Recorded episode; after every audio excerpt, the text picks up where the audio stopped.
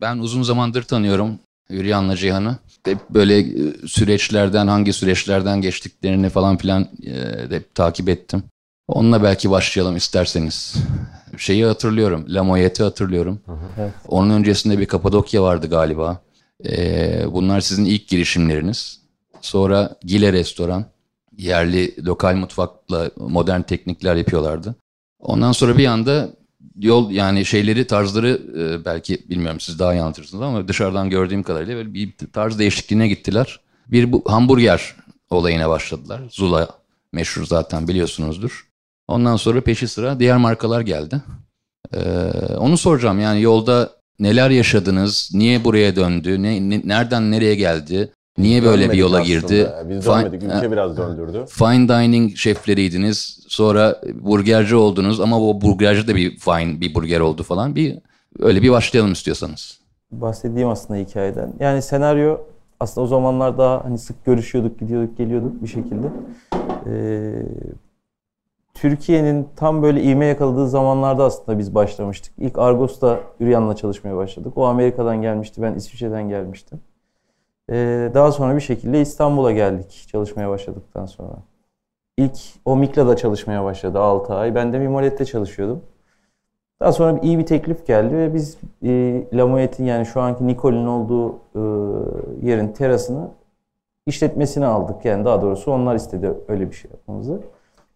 Biz de hiç o zaman para pul gözümüzde yoktu yani çünkü kazandığımız şey çok daha makul bir şehirdi İstanbul. Yetiyordu.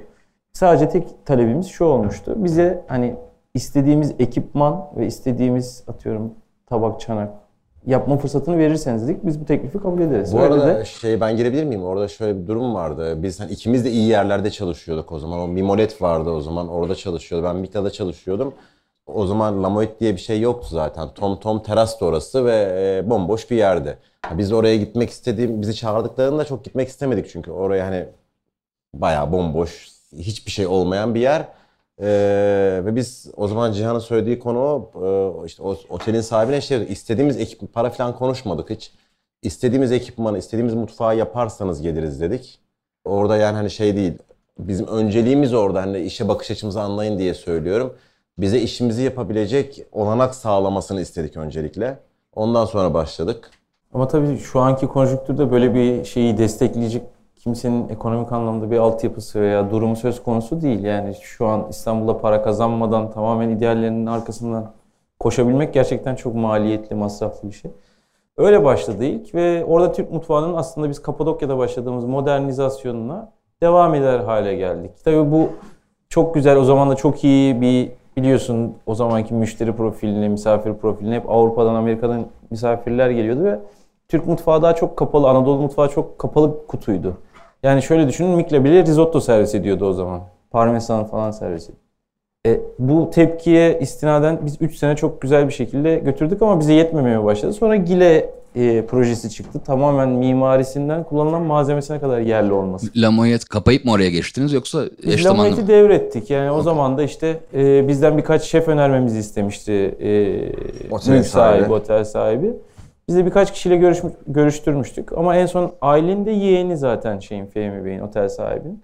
Onlarla devam etmeye karar verdiler ve biz de Onlar artık Gile'yi İsmi hazırlıyoruz. değiştirdi. Lamoet'i Nicole yaptılar. Onlar kendi mutfaklarını yaptılar. Devam yap. O proje tamamen yok oldu. Nicole devam etti orada.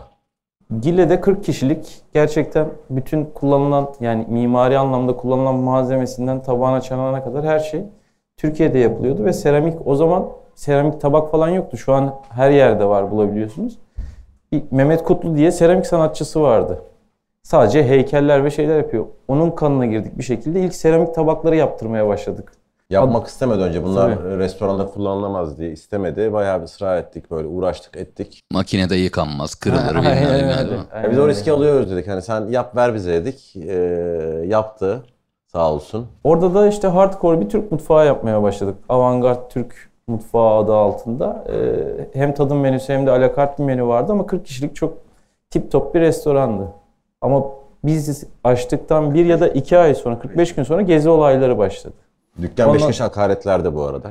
Belki çok güzel bir hareketti ama tabii ki de o anlamda iş yapanlar ve böyle daha startup tarafında olan insanlar için bir yandan da yıkıcı etkileri de oldu yani ekonomik anlamda. Ondan sonra hiçbir zaman eskisi gibi olmadı başlangıçtaki gibi. Hep böyle belli hafta sonu veya işte haftanın 3 günü çok yoğun çalıştığın ama diğer günler hani kendini çevirecek kadar aslında kar etmeyen, sadece kendini çeviren bir yapıya dönüştü ama dediğim gibi kendini geçindirebiliyordun ama kenara hiçbir şey koyamadığın bir durumda risk teşkil eden bir durumdu bizim Çünkü gezi için. olaylarından sonra Türkiye'ye Avrupalı Amerikalı turist uzunca bir süre gelmedi. Ve restoranlarda şöyle bir şey var hani o e, sektörde belki fark etmişsinizdir veya bizim Türk toplumunun yaşamında da fark etmişsinizdir. Türk insanı şık restoranlara böyle hani fine dining restoranlara genelde e, ya özel günlerde gidiyor ya da hafta sonu gidiyor. Hani hafta içi e, işte karı koca veya sevgilisiyle, çoluğuyla, çocuğuyla kimse gidip bir fine dining restoranda pazartesi günü yemek yemiyor. E şimdi turist olduğu zaman öyle olmuyor ama turist turist için her gün hafta sonu. Pazartesi de gidiyor, salı da, çarşamba da, perşembe de. Hafta sonu zaten dolusun ama o kalan 2-3 günü 4 günde dolduramadığın sürece 40 kişilik bir restoranda e, ancak başa baş noktasına geliyor. Bir de Ve- tabii psikolojik bir savaşa da dönüşüyor senin için. Yani bunu yönetiyor, yönetebiliyor olman gerekiyor. Çünkü gerçekten şeyi hiç? anlamaya başlıyorsunuz. İdealler faturalarınızı ödememeye başlıyor. Onunla karşıla yüzleştiğinizde o zor bir durum ama şey bu sefer kendinizi sorgulamaya başladığınız bir duruma dönüşüyor. Bizim Gile ile o zamanki vedalaşmamız da şu şekilde oldu. Bir gün bir rezervasyon geldi. Bu Zorlu'nun yani İtalya'nın kurucularından Zülfikar Zülfikar, Bey. Beker'le Massimo Bottura geldi restorana. Bu arada Massimo'nun ekibi hep bizde yemek yiyordu biliyorduk ama hiç Massimo Bottura gelmemişti. Ve restoranda iki kişi var. Onlar var sadece. Başka kimse yok. O ara Massimo'nun dükkanı açık mı? Açıktı. Zorla. Ha, Okey. Ondan sonra geldi. Biz tadım menüsü sipariş ettiler zaten. Tadım menüsünü hazırlıyoruz ama yani Üryan bilir ben çok stres yapan bir adam değilimdir. Hani normal hayatıma hep devam ederim her koşulda. Stresli bir şekilde bir geçirdik o şeyi. Ve dedik ki işte hani nasıldı her şeyi beğendiniz mi? İşte çok beğendik. Türkiye'yi çok iyi anladığımı düşünüyorum burada bu yemeklerden sonra. Ben de dedim ki "Abi, çok kibarsınız. Çok teşekkür ederim. Dedim, Kibarlık olsun diye söylemedim dedim. Bana şeflerim gerçekleri söylediği için ben bugün bu noktadayım. Yediğim her şey çok keyifliydi. Avrupa'da bir yerde olsanız iki Michelin yıldızı çok rahat alırsınız. Başlarsınız direkt iki Michelin yıldızıyla. Biz de nezaketten söylüyor diyoruz Evet. ama. Ben de normalde sigara kullanmıyorum ama restoranın tam böyle affedersiniz boktan gittiği zamanlar artık. Ee, gittim dedim ki Üryan'dan bir tane sigara aldım. Bana bir Türk kahvesi yapar mısın? Çıktım şeye dışarıya kahvemi içtim. Dedim ki artık dedim bütün şeyler çözüldü kafamdaki soru işaretleri ve dedim ben iyi yemek yapıyorum. Daha doğrusu biz iyi yemek yapıyoruz. Yanlış zamanda ve yanlış yerde yapıyoruz. Ondan sonra bizim için fine dining hikayesi kapandı ama biz Gile'yi kapatmadan önce Tabla diye bir projeye başlamıştık. Sokak yemeklerinin restoran ortamında tabakta rekonstrüktif halde yani yeniden yorumlanarak sunulması hikayesi. Ben orada Tablo bir şey devam o ediyordu. tabloya geçmeden. Şimdi Massimo Bottura gelip sana bu lafı söyleyip o gün dükkanda iki kişi olunca öyle berbat hissediyorsun ki hani. E, çünkü sen elinden geleni yapmışsın. Bir aşçı olarak, bir restorancı olarak hani benim elimden bu geliyor diyorsun ve bu elimden gelen şey takdir ediliyor. Dünyada hani kabul gören bir adam tarafından, bu ligin en tepesindeki adamlardan biri tarafından kabul görüyorsun ama dükkanda başka müş- müşteri yok. Ya elinden hiçbir şey gelmiyor. Bu öyle bir çaresizlik, öyle bir edici bir durum ki. Ha, ne yapayım ben daha diyorsun hani. Başka bir çaren kalmıyor. O zaman sen başka bir yöne dönmen gerekiyor senin. Hani dedim ya konuşmanın başında ülke bizi biraz Cem'in söylediğinde hani ülke bizi biraz yönlendirdi. Yanlış zaman da aslında yanlış yerde iş yaptık o anlamda. Çünkü zaman hiçbir zaman gelmedi Türkiye'de maalesef. Mar- market yok. Yok öyle Evet, bir market Evet, yok. Alıcı yok yani. Bu da suçlamak için değil ama yani bizim yeme bizlerin yemek yeme alışkanlığı o değil. Bizlerin yemek yeme alışkanlığı daha aile sofrası. Aile derken evdeki sofrayı bahsetmiyorum hani. Biz meyhaneye gidelim, kebapçıya gidelim, toplu halde yemek yiyelim, paylaşalım. Ee, çok e, öyle kurallara uyarak yemek yemeyelim. E bir de bizim yemek kültürümüz o Avrupa yani fine dine diye tabir edilen yemek kültürü. Belki şunu yapmak gerekiyordu. Onu da bir ara konuşmuştuk. Hani fine bir kebapçı atıyorum. Hani Michelin yıldızına oynayacak bir kebapçı. Belki böyle yapmak gerekiyor bilmiyorum. Ama o zaman işte e, bizim için e, şey hani bizim bu işi yapmamız bize zarar veriyor. Çünkü sonuçta hayatımızı sürdürmemiz gerekiyor. Faturaları ödememiz gerekiyor. Hani Massimo Bottura'nın gelip iki Michelin yıldızı alırsınız demesi sizin ertesi günkü kiranızı ödettirmiyor. Dolayısıyla e, bir yön değiştirmeye karar verdik orada. Sonra işte tabla devam ediyordu. Zaten tabla Pera'da tablo değil mi? Tabii Pera'daydı. Orada da yangın çıktı.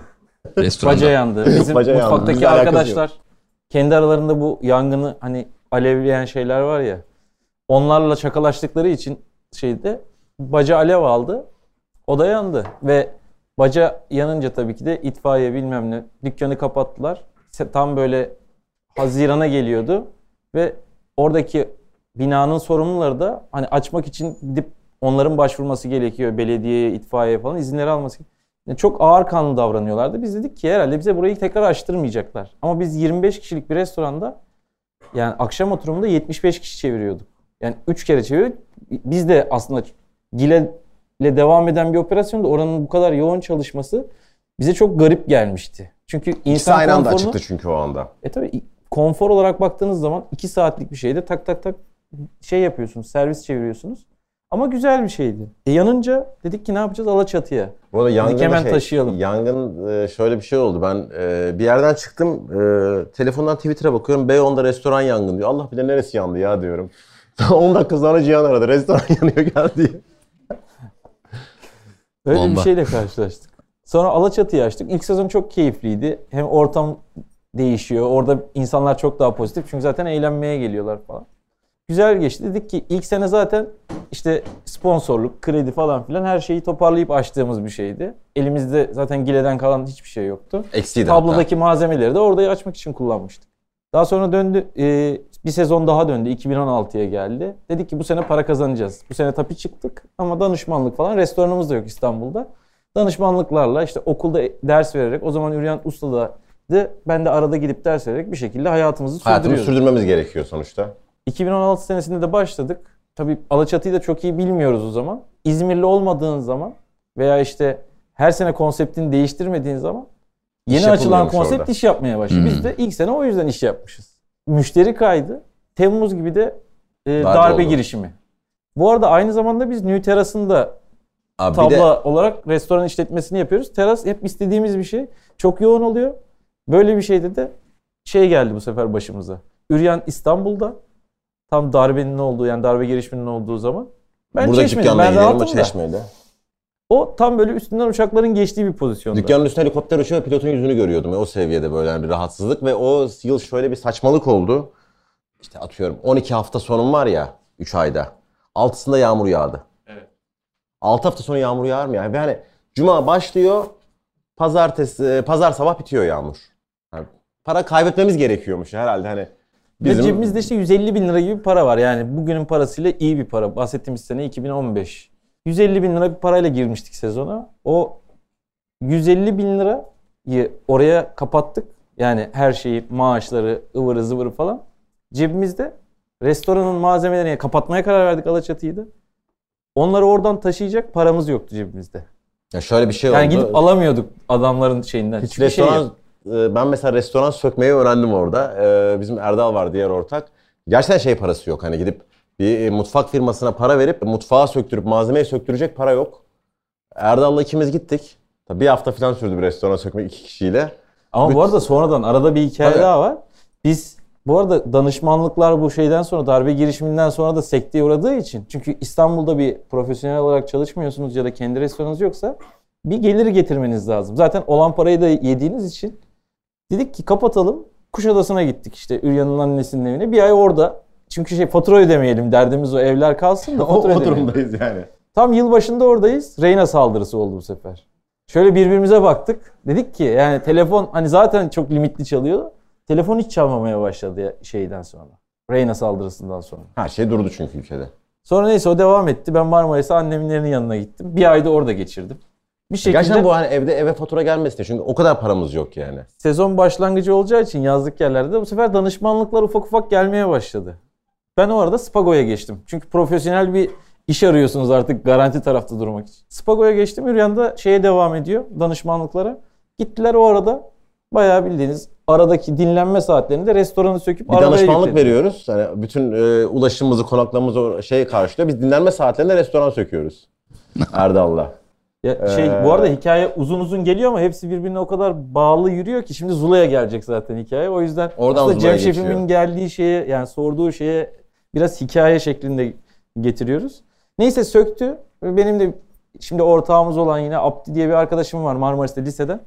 Diyor ki hani ne yapacaksınız? Malzemeleri getiriyorsunuz da biz de depo arıyoruz. Bu arada sonunda. şeyi söyleyeyim. Cepte 5 kuruş para yok ama biz hala Cihan'la o kış e, Cihan'ın abisinin dükkanının önünde oturup e, sahibinden de dükkan bakıyoruz. Hani neyle açacağız, ne yapacağız bilmiyoruz. Hani e, ve gidip görüşüyoruz falan hani gerçekten fiyat u- kirada anlasak kiralayacağız. Para bulunur bir şekilde. Ya buluruz, Ha. yaparız bir şekilde diyoruz. Yani şey değil o e, deli cesaretim denir, e, cahil cesaretim denir bir- veya bilmiyorum. Biz bir şekilde hala deli gibi sahibinden dük- dükkan bakıp ne yapacağımızı da bilmiyoruz. Uygun bir yer bulalım ona, ona uygun bir iş yaparız diyoruz. Sonra neyse biz bunu konuşurken dedi ki Abdi ya ben de bir şeyler koyayım. Hep beraber bir şey yapmak istiyorduk. En azından hani depoya koyacağınızda o paraya atıyorum 1500 lira falan da o zaman depo kirası. 2000 liraya bir dükkan bulalım. Kendimize bir başlangıç dükkan yapalım. Sen bırakma işini devam et Spago'da dedi. O akşamda bu konuştuğumuz akşamda çıktım evinden. Şu, şu anki Zula'yı biliyor musunuz? Harbiye. Harbiye'deki dükkanı. Harbiye'deki dükkanın yanında oturuyordum ben. 4 sene orada oturdum. Sonra Maçka'ya taşınmıştım. Oradan çıktım motorla geçerken Antonio'nun yani şu an olan e, Zula Harbiye Antonio diye bir ressamın atölyesiydi. Ve hep benim heveslendiğim, gaz kestiğim bir dükkandı. Adam da çok rahat çıkmıyordu. Bir baktım dükkan boş. Hemen bakkalı aradım. Dedim ki bana oradaki numarayı gönder. Ertesi gün biz dükkanı tuttuk. Ve bu arada dükkanın sahibi dahi inanmıyor. Bize vermek istemiyor. Kira 2000 lira Diyor ki, ödeyemezsiniz kirayı. Nasıl diyor. ödeyeceksiniz falan? Ya diyoruz Mehmet amca rahmetli oldu şimdi. Mehmet amca dedik hani ya burada kim tutsun bu dükkanı? Yani burada, Burada terzi iş olsa yapmaz iş yok. diyor. Manav olsa iş yok. Hani ne satacaksın da burada para kazandıracaksın? Biz dedik en azından ödeyebiliriz yani. Arkadaşım işte restoranı var. Ben çalışıyorum falan filan. Bir şekilde kanına girdik ve bize inandı tuttuk dükkanı. İlk Zula. Evet Harbiye'deki Alaçatı'dan getirdiğimiz malzemeleri yerleştirdik. Depo yapacağımıza dükkan yapalım dedik.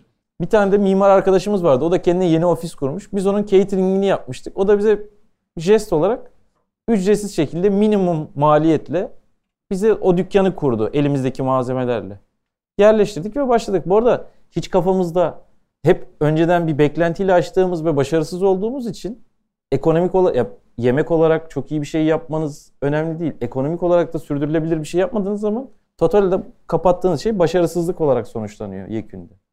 Diyoruz ki 6 ay falan sürdü dükkanın o kadar küçük bir dükkanın yapımı. Çünkü o kadar umurumuzda değil ki. Bazen bırakıyorduk. dükkan. Bırakıyorduk, Bir ay ne diyorduk. insan İşçi gelip çalışıyordu. dükkana. Usta gelip çalışıyordu. Biz de uğramıyorduk.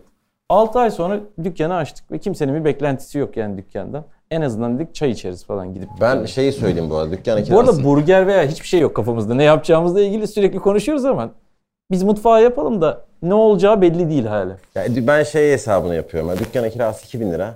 Ha, bir iki kişi çalışsa burada 15-16 bin lira masraf olur. 30 bin lira ciro yaparsa, günde 1000 lira ciro yaparsa bu dükkan bize zarar ettirmez. Hiç olmazsa hani danışmanlıklarda kullanabileceğimiz, gidip çay kahve içeceğimiz bir yer olsun. Sonuçta, sonuçta hani bir şekilde işin içinde oyunda kalmak istiyorsun bir şekilde. Ve hani şu hesabı yaptım ya 3 kişi 16 bin lirayı bir şekilde öderiz dedim. Zarar etsek bile öderiz dedim. Hesap bu. Sonra birdenbire kendi kendine gelişti olaylar ve biz bir anda böyle yani evcilik oyunu gibi başladığımız bir senaryoda ilk ay zarar etti. Herkes biraz cebinden koydu. İkinci ay e, tapi çıktı. Üçüncü ay kar etti. Dördüncü ay daha fazla kar etti. Beşinci ay üçe katladı.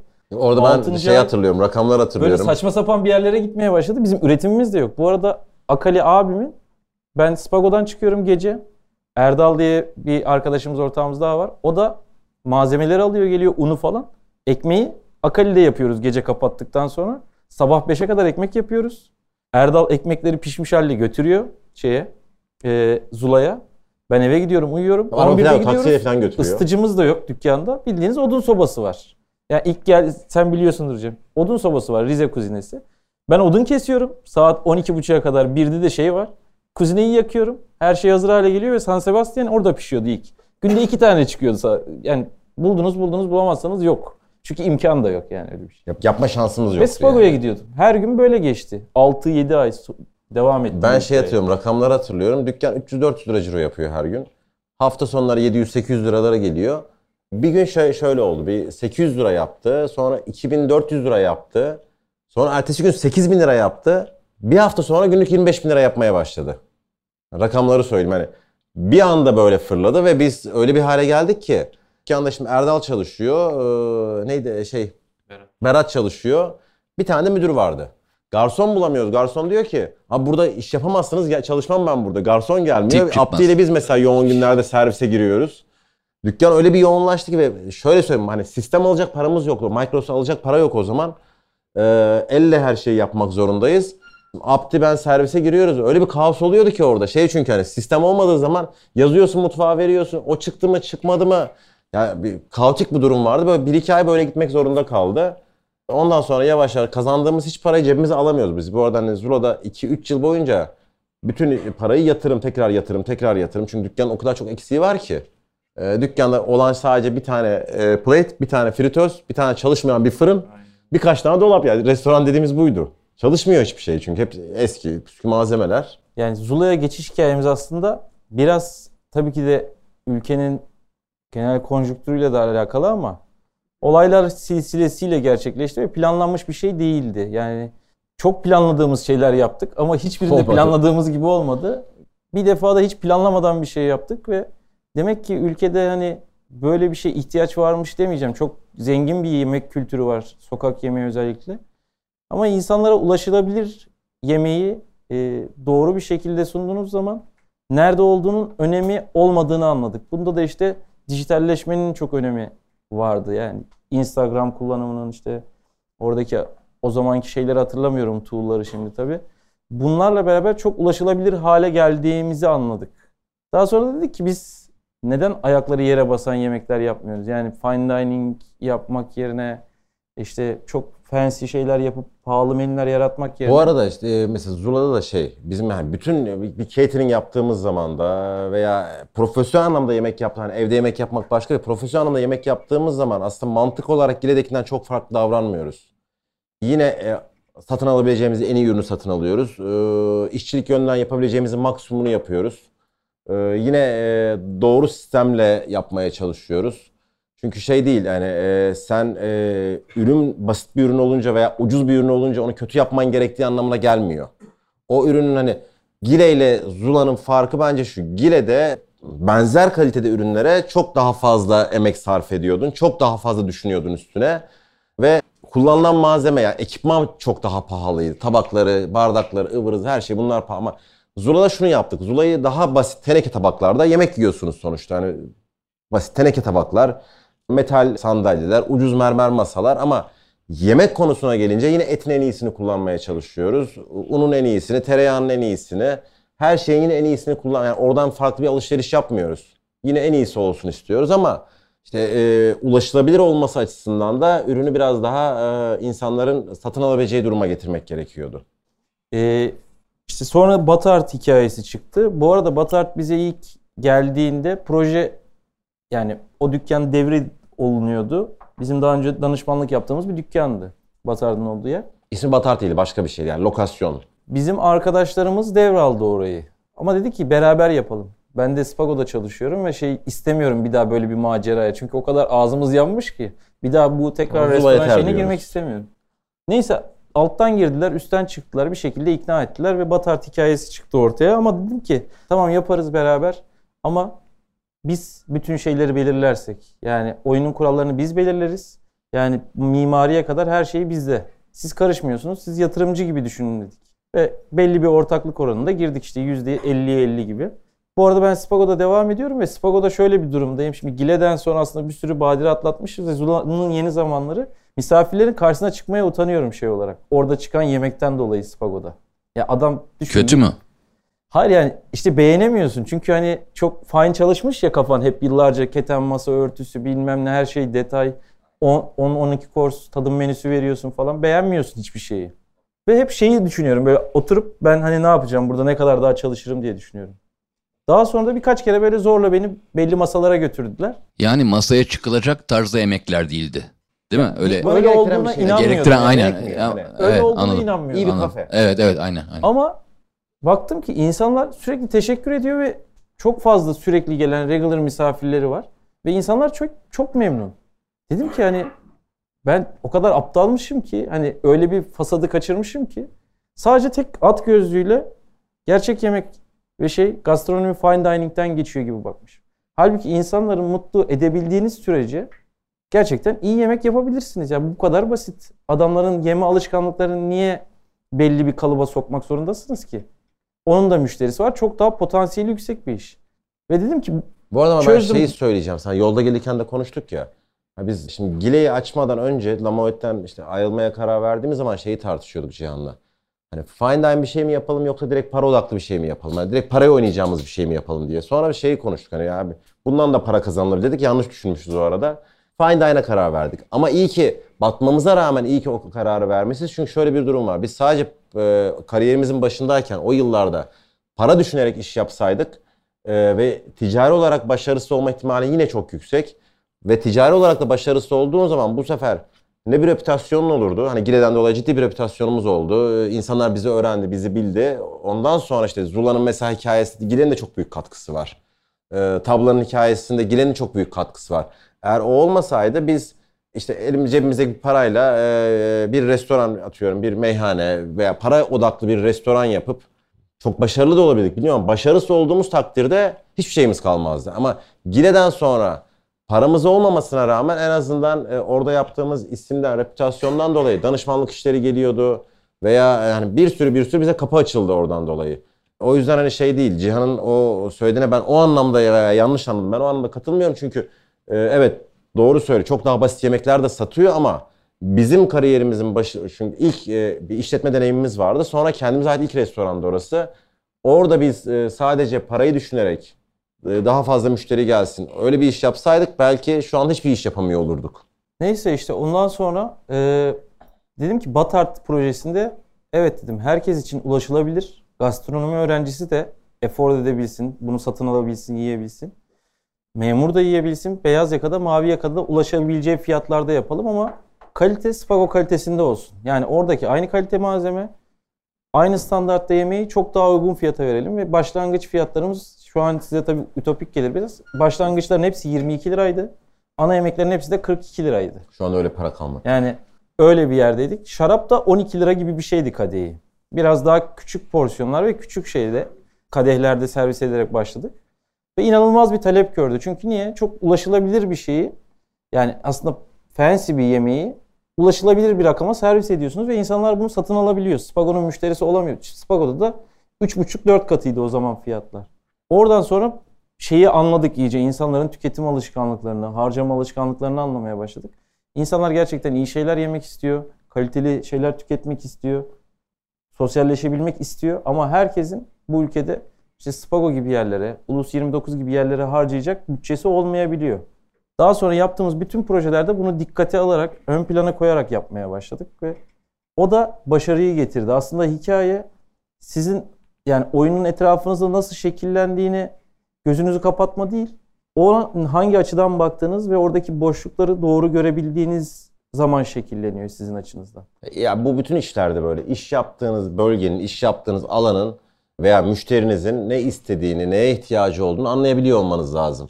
Yani şimdi sen e, dünyanın en iyi pantolonunu yapabilirsin, dünyanın en iyi arabasını yapabilirsin ama satmayacak bir yerde bunu yapıyorsan hiçbir anlamı yok. Dolayısıyla yani Türk insanının istekleri, ihtiyaçları, e, satın alma gücü bunların hepsine dikkate alarak e, yaptığın zaman tabii son bir yılda her şey yine değişti maalesef. Son bir yılda fiyatlar kontrol edilemez şekilde artmaya başladı. E, bu her anlamda enerji, yiyecek, içecek, personel hepimizin hayatına yansıyan şeyler biliyorsunuz. Burada biraz düzen bozuluyor. Ama e, yine de hani hep şeyde tutmaya çalışıyoruz. Satın alınabilir fiyatlar olsun. E, bunu aştığın zaman ben biz hep şey hesaplıyoruz. Bir dükkanın atıyorum dükkan 100 bin lira ciro yapacak diyelim. Bunu 50 kişiyle de yapabilirsin, 100 kişiyle de yapabilirsin.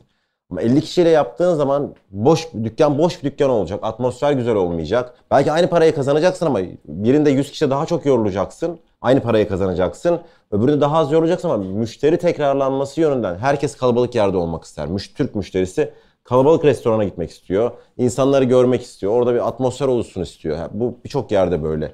Dolayısıyla aynı parayı satın alınabilir fiyatlarla kazanmak çok daha sürdürülebilir bir şey. Sonra Saku mu Ordinary mi? Sonra Ordinary. Ordinary. Bu arada Saku biz tabi yani Zula büyüdükçe üretimhane de büyümeye başladı bu sefer. Üretimhaneyi biz üç kere değiştirdik. En son üretimhanenin bu şu an hali hazırda Saku'nun arkasında orayı alabilmek için önüne bir restoran sözü verdik. Ama o arada pandemi patladı tabii ki de. Biz atıyorum 60 şey, e, o zamanın parasıyla 220 bin euro gibi mutfak şeyi tutuyordu. E, ve biz sırf o aradaki döviz değişikliğinden ekstra cebimizden çıkan para 800 bin TL'ydi. Yani hiçbir şey yanlış yapmadık. İyi giden bir işimiz var. Bu sefer bütün doğru tuşlara bastık. Ama sadece devletin içinde yani daha doğrusu ülkenin içinde bulunduğu durumdan dolayı 800 bin lira ekstra para ödemek zorunda kaldık. Ve projeyi yavaşlattık. Çünkü pandemi döneminde bir açılıyor. Biz bir yeri yapıyoruz. Diyoruz ki dur şeye mimara. İki yıl Bekle sürüyor- çünkü iki yıl kapanacak tekrardan. Boş boşuna para harcamayalım. O arada bir dükkan geldi ve binanın sahibi de dedi ki ben burayı boşaltıyorum. Siz bir şey yapmayı düşünür müsünüz? Elim kafamızda da her zaman olan bir proje vardı. Ordinary yani ismi konulmamış bir şeydi o zaman ama basit bir İtalyan mutfağı yapmak. Yani ne trattoria ne de işte şey e, osteria. Refettorio yani yemekhane gibi çok basit, fiyatları da çok uygun olan bir şey yapıp insanları yine aslında o bölgede yaşayan insanları yakalamak istiyorduk. E, ve bütçe de çok kısıtlıydı orası için. Çünkü hesapta olmayan bir bütçe olarak çıktı. Sadece bizim bir heyecanımızla başlayan bir Ya proje. bir dükkan geldiği için yaptım. Evet. Orada çok basit hani evi öyle bir para harcamak Halbuki adamı görmesek yoktu. mesela o gün öyle bir proje olmayacak. Tamamen şey Allah'ın işi. işte. Tesadüfen karşılaştığımız için. Ve biz Saku'yu bitirene kadar Ordinary'yi bitirdik. Ordinary'yi açmış olduk. Orası da beklemediğimiz bir şekilde yani insanları genelde ben restoran açıldığı zaman hep 30 kişide tutarım ki oradaki servis akışı, aksaklıkları yaşayarak görmek çok kıymetli bir şeydir. Daha sonra onu toparlayamayabiliyorsunuz. 100 çünkü. kişiyle toparlayamazsın 30 kişiyle bir şekilde hatanı telafi edebilirsin. Neyse 30 kişi hiçbir zaman olmadı. Hep 60 kişi, 70 kişi, 80 kişi, 100 kişi, 120 kişi olarak devam etti. Bugün hala öyle devam ediyor. Çok yoğun bir şekilde devam ediyor. Ama orada da işte insanları yakalamış olduk. Çok e, aslında dışarıdan gözükmeyen bir yerde görmeden de insanlar sadece kulaktan kulağa veya işte sosyal medyanın da gücüyle bir şekilde insanları oraya hala getirebiliyoruz. Ama Boğaz'da bu- restoran açmanıza gerek yok. Onu bu arada bu bizimle de ilgili bir şey değil. Yani bu bilinmeyen bir matematik denklemini çözmek gibi de bir şey değil. Aslında tamamen bulunduğun coğrafyayı doğru okumakla ilgili bir şey. Yoksa hani biz burada kendimizi gelip de övecek durumda değiliz. Ama aslında buradaki hikayenin ana fikri evet tabii ki de şu an insanlar düşmekten korkabilir ama o düştüğünüz zamanki öğrendiğiniz şeyler aslında ondan ders alabiliyorsan oyunu çevirmene sana fırsat veriyor her zaman. Biz sadece oyunu doğru şekilde okuduk. Bizi düşürdüğü yerleri hayatımızdan çıkarttık, bir daha sokmadık.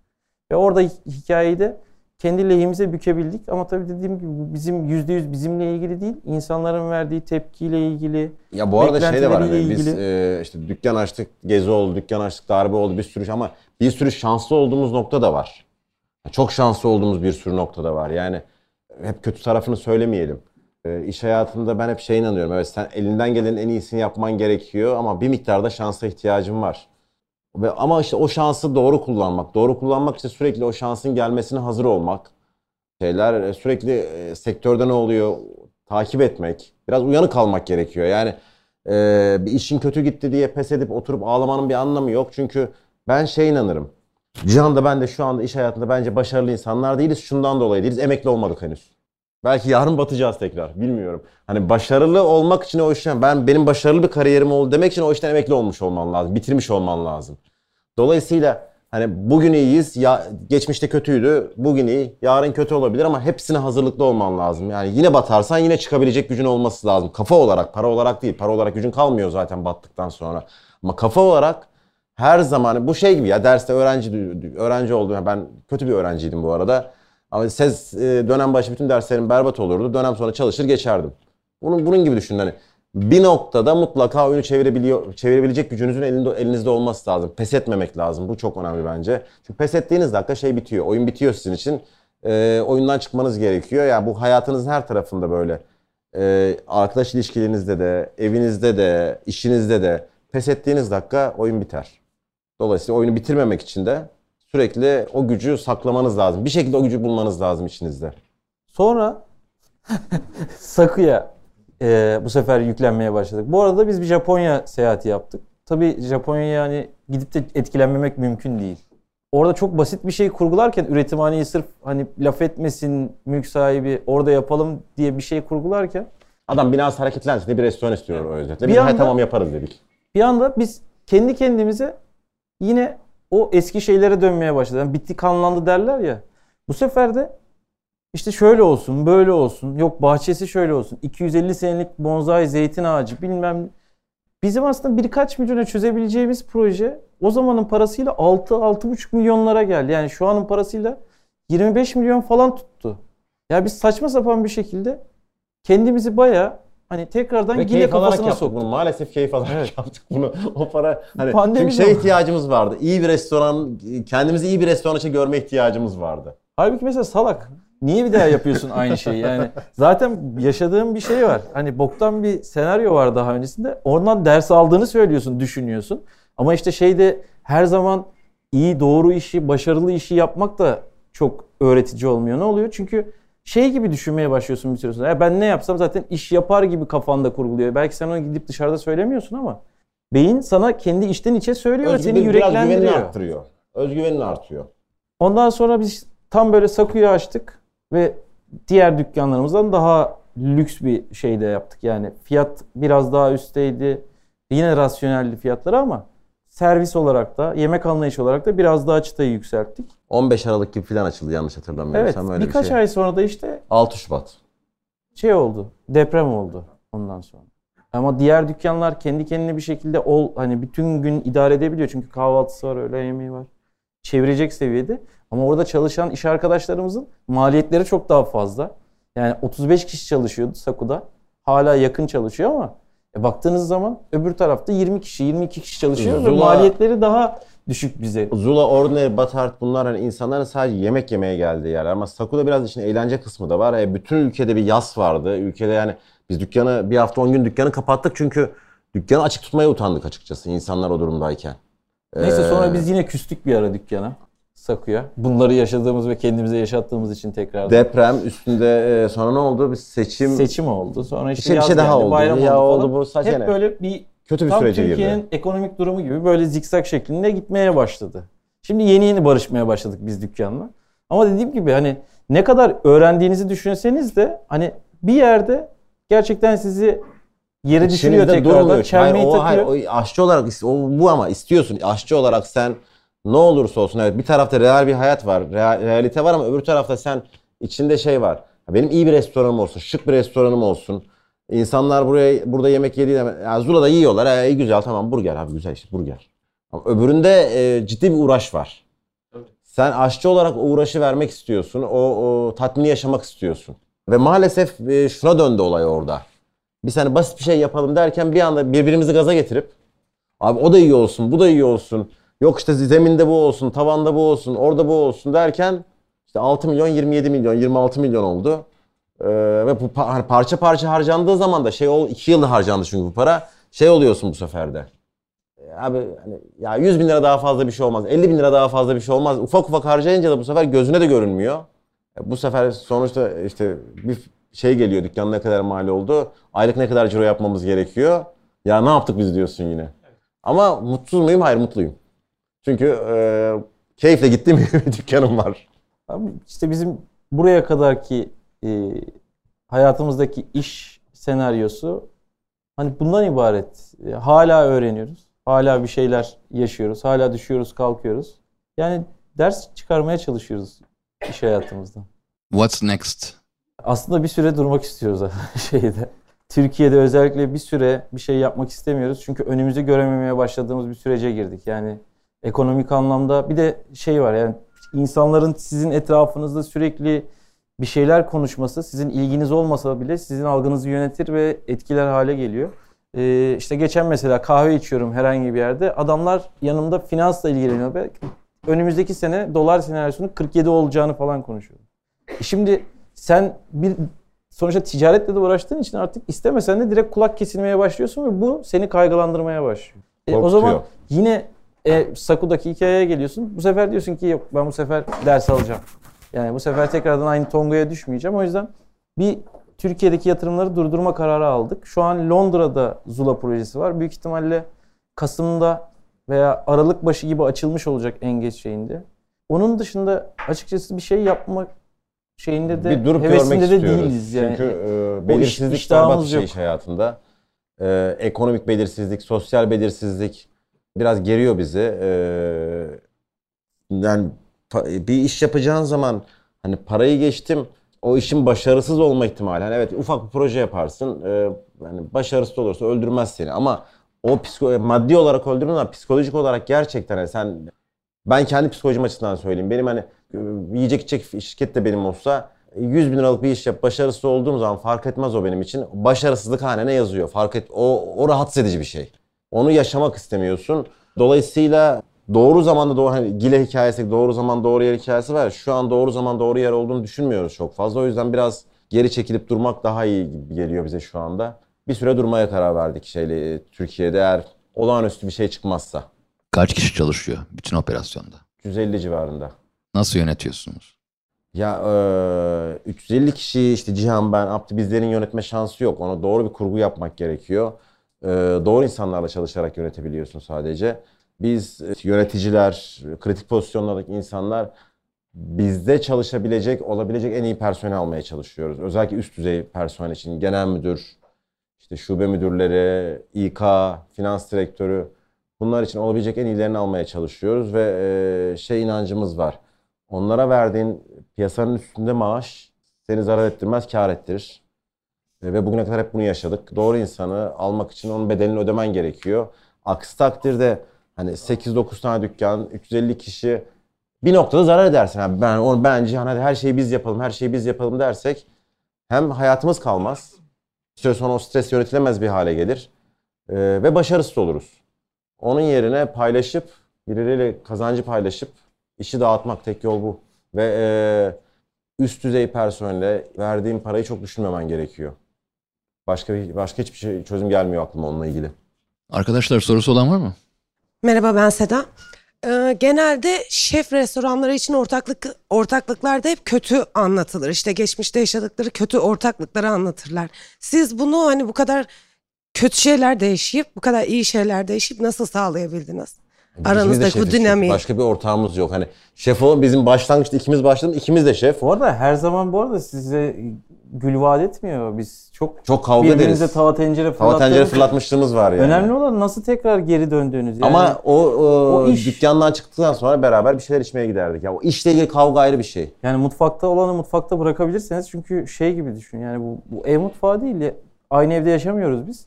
Orası bir iş. İşte tartışıyorsun, kavga edebiliyorsun ama Bir gün maşa fırlattım. Maşa elime takıldı. Tırnağımı kırdım onun yüzünden. Ama Ama birden maşayı kafasına fırlatacağım böyle. Fırlattım. Maşa Yani buraya dışarıda takıldı. çıkıp sohbet Kendime zarar verdim. arkadaş da olabiliyorsan zaten o zaman bir şeyi sürdürebiliyorsun. Yani evliliklerde de böyledir ya hani hem arkadaş olabildiğinde evliliğin çok daha farklı bir boyuta geçer. Senin dediğin ama büyük ihtimalle şef ve şef olmayan birinin ortaklığı. Onlar genelde sıkıntılı oluyor. Belki de. Onlar Belki de genelde o çünkü hikayeler. şöyle bir şey. Şef Bizim e, elimizde bu var yani. yani çok- Çok güzel duruyor. Şef de şöyle işmiş. Şef e, biz mesela Gile'de evet maddi olarak zarar ettik. Ama e, dediğim gibi bir oradan bir isim yaptık, reputasyon. Biz oradan aslında kar ettik. Ama oradaki başka bir ortak, finansal ortak o durumunda adam şey diyor abi siz şefsiniz, siz isim yapıyorsunuz ve ben para kaybediyorum. Sıkıntı. Veya Cihan mesela mutfakta veya ben mutfakta bir şey yaptığım zaman kötüyse, yanlışsa öbür taraf onu anlıyor niye o hatayı yaptığını. Kabul edilebilir çünkü o hata o hatanın niye olduğunu ama dışarıdan birine bunu anlatamazsın. Dolayısıyla evet şef olan birinin ve hani şefler sonuçta biz iş adamları değildik o zaman. Hani şu anda öğrendik biraz ama e, iş kurallarını bilmiyorsun sen. Şef olarak mutfaktan çıkıp kendi işletmeni açtığın zaman aslında e, ikinci bir gömlek giyiyorsun ama o gömleği giyemiyoruz maalesef. İşte Saku'da yaptığımız gibi giyemiyorsun o gömleği bir türlü. Olmuyor o gömlek sana. Dolayısıyla ama öbür iş adamı ortağın senin. Onun üstünde zaten o gömlek var. E bu sefer orada sıkıntı olmaya başlıyor. Ha bizim mesela şeyle o şefle şef kavgası da bizim hani hiçbir zaman hep e, tartışmamız, kavgamız egolarımızla e, ilgili değil. İşi nasıl daha iyi yaparızla ilgiliydi. Ben onun bir hata yaptığını düşünüyordum, söyleniyordum. O benim bir hata yaptığımı düşünüyor. Ama bu sen niye yaptın, ben niye yaptım değil. Bunun böyle olması gerekiyor diye iddia ederdik ikimiz de. O kavga o kavga. Yoksa hani e, ben daha iyi yap yaparım, sen daha iyi yap o değil konu. E, birlikte birkaç iş batırdınız. E, çok şanssız olduğunuz, ve çok şanslı olduğunuz dönemler var. E, eminim psikolojik olarak da çok zorlandınız. Zaten bahsettiniz. Peki bu tutkuyu ne zaman keşfettiniz? Yani hep var mıydı içinizde? Gerçekten Yemekle ilgili mi? Evet, yemekle işle ilgili ilgili. mi? Ben ilk defa ne zaman yemek yaptığımı hatırlamıyorum. Şöyle evde kendi kendime yapardım bir şekilde. Ama aşçılık diye bir mesleğin varlığını ben 2000 yılında staj yaparken fark ettim. Otel, turizm otelcilik okudum. Otelde staj yaparken o zaman hani o uyanmaya başladı bende. Yemek yemeyi zaten çok severdim. Hala severim bu arada. Ee, ama mesleğin o hani meslek olarak o zaman otelde çalışmaya başlayınca dikkatimi çekti. Ondan sonra aşçı olmaya tabii o zaman işte bu okulu bu, hiçbir okul yok Türkiye'de doğru düzgün. Bir Yeditepe'nin işte vardı ama şu mantıktaydım ben de. Abi bu okul yeni. Mezun yok, bir şey yok. Türkiye'de eğitimli aşçı yok. Kim ders verecek burada? Dolayısıyla Türkiye'de eğitim almamaya karar verdim. Ondan sonra yolumu öyle çizdim. İş hayatıyla da ilgili şey e, o tamamen şey hani kaybetme kaybetmeme isteği. Hani pes etmeme durumu. Ee, pes ede pes konuşurken pes edemezsin. Hayatta pes edemezsin. Success is a necess- necessity derler ya. Elinden geleni Mecbur- yapacaksın abi. mecbur. Elinden geleni yapacaksın ya. Başka hani bel- belki elinden gelmez ama sen maksimumunu vereceksin. Oluyorsa olacak, olmuyorsa olmayacak. Merhaba. Neden Londra peki? Yani bu ara Türkiye piyasasında çok dönüyor bu isim. Yani herkesin bir Londra, orada bir şube, oraya gidelim. Aslında şöyle biz Londra'yı ilk fikir olarak ortaya attığımızda ya şimdi background olarak baktığınızda aslında biz çok fine dining çıkışlıyız ve dünyada yani şu an Tokyo ve şeyden önce İskandinavya'dan önce bütün global fine dining, Michelin, işte Galmilo bu piyasayı domine eden pazar Londra'ydı. Çok kozmopolit bir pazar. Ee, her iş grubundan insan çalışıyor, yaşıyor ve her kültürden insan var. Yani bu sizin hitap edebileceğiniz kitlenin şeyini arttırmaya aslında yönelik çok geniş bir pazara hitap etmenizi sağlıyor. O zaman da ne oluyor? Sen diyorsun ki ben Paris'e gitsem çok daha muhafazakar bir pazara gireceğim. Amerika çok uzak zaten. Burada işim Kontrol var. edemezsin. Gidip gelemem. Da beni zorlayacak. E, a- en yakın şey İngiltere kalıyor. Çünkü baktığınız zaman stabil bir ekonomiye sahip. İnsanlar para harcamaktan kaçınmıyor. Çok rasyonel bir maaş ve e, yaşantı dengesi var. Alım gücü yüksek. E, o yüzden de aslında açıkçası oraya yönlendiriyor bütün oklar. Ve kendi yerel mutfağı da yok bildiğim kadarıyla. Ya o hani çok bir önemli mesela Türk aslında. mutfağı O- diye bir kavram var. Mesela oranın böyle bir kavramı yok. Ya önemli değil bence bak Yok ama şey. çok kuvvetli bir gastronomi geçmişi var. Yani Fransızlardan dolayı gelen hani bugün söylersin işte sandviç adamlardan çıkma ama tamamen tembellikten. Beef Wellington, Yorkshire pudding, roast beef gibi çok ikonik yemekleri var ama pub kültürü çok ağır. Hani gittiğinde görürsün publarda yüzlerce insan oturuyor. Ama adamların nasıl hikayesi orada? Sosyalleşmek, bira içmek, yemek. Sadece pazar günleri için onlar sosyal bir olay halinde görüyor. Onun dışında tamamen sohbet Bir de şey var, şeyinde. e, Gelişmemiş yani bir şekilde adamlarda. Bu işte atıyorum e, New York, e, Londra veya şu an Dubai öyle olmaya başladı. Para olduğu için buralarda insanların alım gücü olduğu için, para harcadıkları için bir sürü şef, e, dünya ünlü şefler buralarda restoran açıyor. Mutfağının olmasının bir önemi yok. New York'ta da bir mutfak yok ama dünyanın en iyi restoranları orada. Ya bu insanların alım gücüyle ilgili ve insanların harcama alışkanlıklarıyla ilgili. Yani New York'ta kimse evde yemek e, yemek yapmıyor evde. Evde mutfak yok zaten. Birçok ev yani büyük bir evdeyse mutfağı yok. Herkes dışarıda yemek yiyor. Böyle bir müşteri kitlesi olunca pazar oluşuyor, alım gücü var. Londra'da aynı hikaye.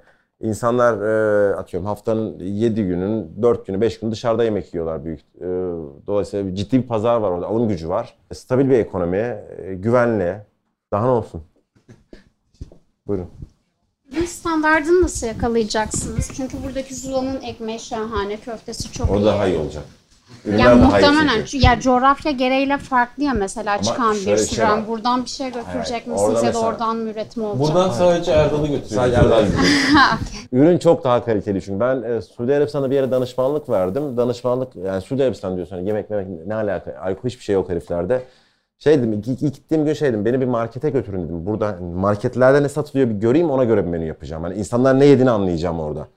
Ya hani Dubai'de falan görmüştüm de yani böyle bir şey olamaz. Her şeyin işte segmentasyona göre ayrılmış halde en iyi kalitesinden en kötüsüne kadar her şey var. Bu Londra'da da aynı şekilde. En iyi unu bulacaksın, en iyi eti bulacaksın, en iyi tereyağını bulacaksın. Türkiye'de bulamadığın ürünleri bulacaksın. Ee, dolayısıyla işimiz çok daha kolay olur orada o anlamda. Burada çünkü atıyorum etle ilgili sürekli bir denetleme yapmak zorundayız. Sürekli. Orada öyle bir derdin olmayacak. Personel bazında sizi zorlayacak bir süreç gerçekleşecek mi sizce? Yani Erdal, Erdal, Erdal gidecek. Şöyle biz burada Ya, zaten bizim Erdal Erdal Deniz kişiyi tanımıyorum kusura bakmayın. Ha okey Ya, ya buradaki e, bu arada sizinle daha önce çalışmış bir arkadaşımla şu an e, çalışıyorum. Kendisi buradan personel yetiştirip götürebileceğiniz konusunda bir şeyler söylemişti. Evet. O sebeple bu soruyu soruyorum beş, aslında. beş arkadaş gidiyor burada. Hı hı. İki servisten, üç tane de mutfaktan. Yani bizim sistemimizi bilen. Zaten bizim bütün Yani Zula'nın bütün dükkanları aynıdır. Gittiğiniz zaman sadece depo alanı yerleşkeye göre değişir. Ama mutfak kurgusunda yani Londra'ya da gitsen çalışabilirsin. Malzeme de ekipman da aynıdır. Kanyona da gitsen, Harbiye'ye gitsen hepsinde aynıdır. Türkiye'de biz O bir da restoran açarken şu şey yapmayız. herkes çalışabilir hale Yeni bir yerde şube açacağız diyelim. Oraya personel almayız. Ee, eski şubelere personel takviyesi yapıp oralardan personel birkaç personeli, her şubeden birkaç personeli yeni dükkana göndeririz. Çünkü yeni dükkan her zaman daha zordur. Dolayısıyla sistemi bilen insanlar olması gerekiyor. Orada benzer bir süreç olacak ama tabii gelişmiş ülkelerin evet personel maliyetleri daha yüksek ama personel kalitesi çok daha yüksek. Dolayısıyla hani evet başka başka bir sürü sıkıntılar yaşıyoruz bu arada Londra ile ilgili. Kanunlar, kurallar, onlara yani hiç bilmediğin bir ülkede e, iş yapmaya çalışıyorsun. Bunu çözmek için bir sürü bir sürü e, öğrenmek için bir sürü yolu izliyorsun. E, ama yani personel ve ürün e, en son düşündüğümüz şeyler. O çok daha zor süreçler var oraya gelene kadar. O zaman e, karamsar bir şey daha sormak istiyorum. Yani işin birazcık pesimist tarafını konuşmak istiyorum. onları konuşalım çünkü iyi Bayılır tarafı, Hülya. iyi tarafı Tam- ama iyi tam tarafı adamınla konuşuyorsun. Abi iyi taraf herkes için kolay ama o iyi taraf herkes görebileceğin kolay. en pesimist adamlardan biridir yani. Bütün Ben öyleyimdir, Senaryoları düşün. Ya şöyle Londra'dayız. Okey ürün çok kaliteli. Buradan personel yetiştirdik götürdük. Oradan birkaç arkadaş aldık. Okey okey okey. Her şey güzel gidiyor ama bir yerde başarısız oldu. Yani Türkiye'deki gibi bir şey yakalayamadı. O Olabilir. zaman için bir B planınız var mı? Kapatmak.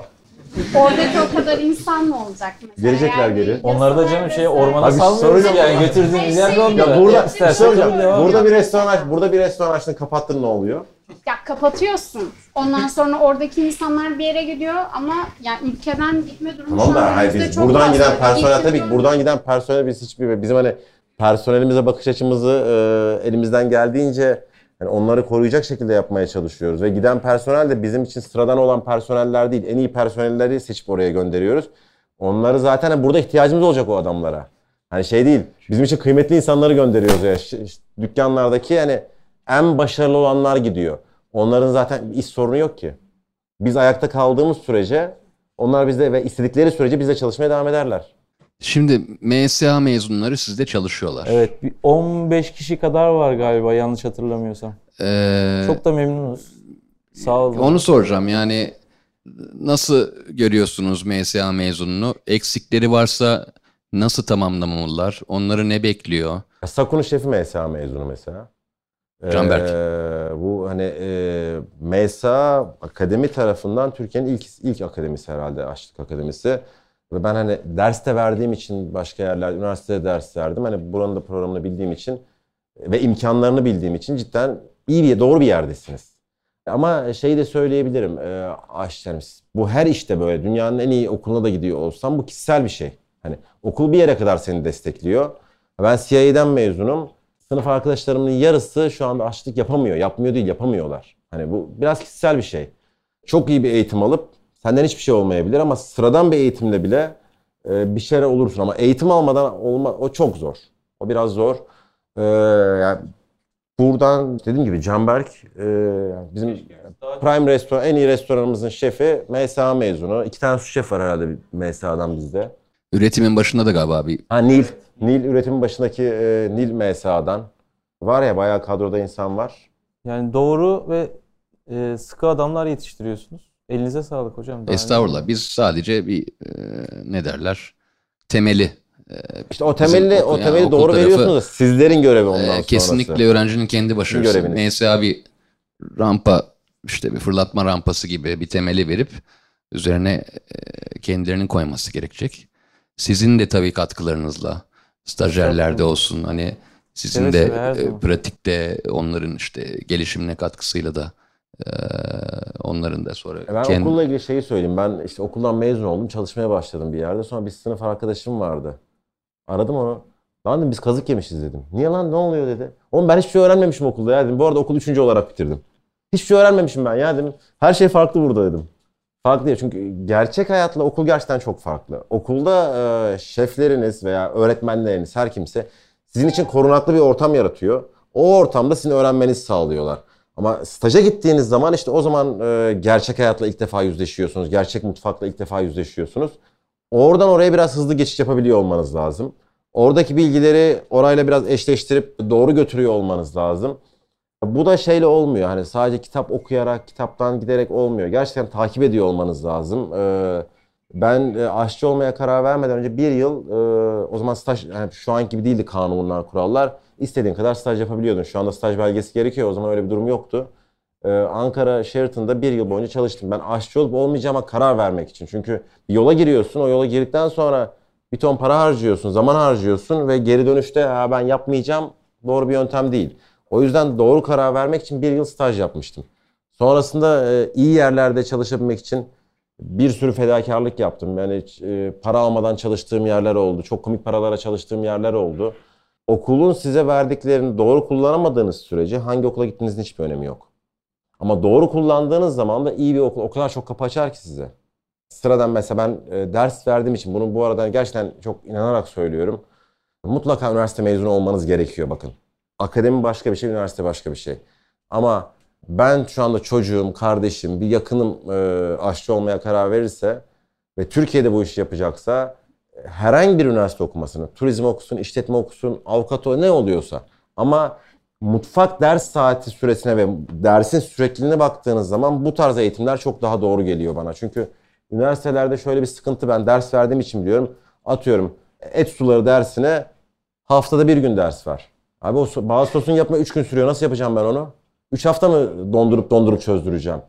Ya, o YÖK'ün e, yaptığı eğitim programı yüzden sürdürülebilir bir şey olmuyor ama akademilerde ard arda gittiği için dersler çok daha sağlıklı bir eğitim oluyor bu. Ama hani buradan önce veya buradan sonra eğer yaşınız yeterliyse, yeterliyse bile fark etmiyor mutlaka üniversite okumanızı tavsiye ederim. Ve yabancı dil. O olmazsa olmayacak bir şey zaten. Ben şeyi çok merak ediyorum. Sürekli düşüp kalkmış bir e, yani şey yaşamış insanlar olarak sizce en iyi bizi kurtaran network'ümüz buydu. Bu network'ümüz elimizde olduğu için kalktığımız şey yok yerden devam edebildik dediğiniz bir şey Network'te var hiçbir mıydı? şey yoktu hayır. Tamamen senin işi yapmanla ilgili, işini, işini sevmenle ilgili, pes etmemenle ilgili. Yani kimse sana sen iyi değilsen yardım etmez. Evet hayatımızda bize yardım eden insanlar oldu ama bize güvendikleri için yardım ettiler. Yani iş hayatta kimse kimseye aa sen çok iyi bir çocuksun, çok iyi bir kızsın, gel hadi sana biraz para vereyim, destek olayım öyle bir şey yok. Onu sadece annen baban yapar. Onların da yapmamasını tavsiye ederim ya çünkü senin öğrenmen lazım onu. Olsun var ya. Niye yardım etmesin annesi babasıysa? Ben Sen çocuğuma, kadar ben, şey- ben çocuğuma şunu yapmam. Ben çocuğuma ben ne kadar param olduğundan bağımsız çocuğuma iş Parayı kurması için para vermem. Çocuğuma iş kurması için para vermem. Var iki tane. Vermem çünkü şu. Onlara para vermem demek iş kurmaları için onlara bir şey öğretmemem demek. Hani Şakir O'Neal şu hale getirsinler. Onların parası yok benim param. Ha Şakir O'Neal olayı var ya biliyor musunuz onu? Çocukları iş kurmak için para istemişler. Yanlış anladınız. Siz zengin değilsiniz ben zenginim demiş. Ha, çünkü çocuğun öğrenmesi lazım o işi. Öğrenmeden olmaz. Hani öğrenirsen onda bir gelecek görürsün tabii ki çocuğuna yardım edersin. Ama hani okuldan me- yeni mezun hop çocuğuma restoran açayım. Hop çocuğuma onu yapayım. Öyle yani o batır çocuğa bir şey öğretmeyecek. Çocuğa zarar vereceksin o durumda. Hani hiçbiriniz ailenizin ne kadar maddi durumunun olduğundan bir önemsiz. Buradan mezun olunca gidip baba anne para ver restoran açacağım öyle bir şey girmeyin. Evet. Onu yapacaksanız verin o parayı beraber yiyelim. Aynı aynı hikaye olacak yani. Dışarı yemeğe falan gidelim bir yerlere, eğlenelim.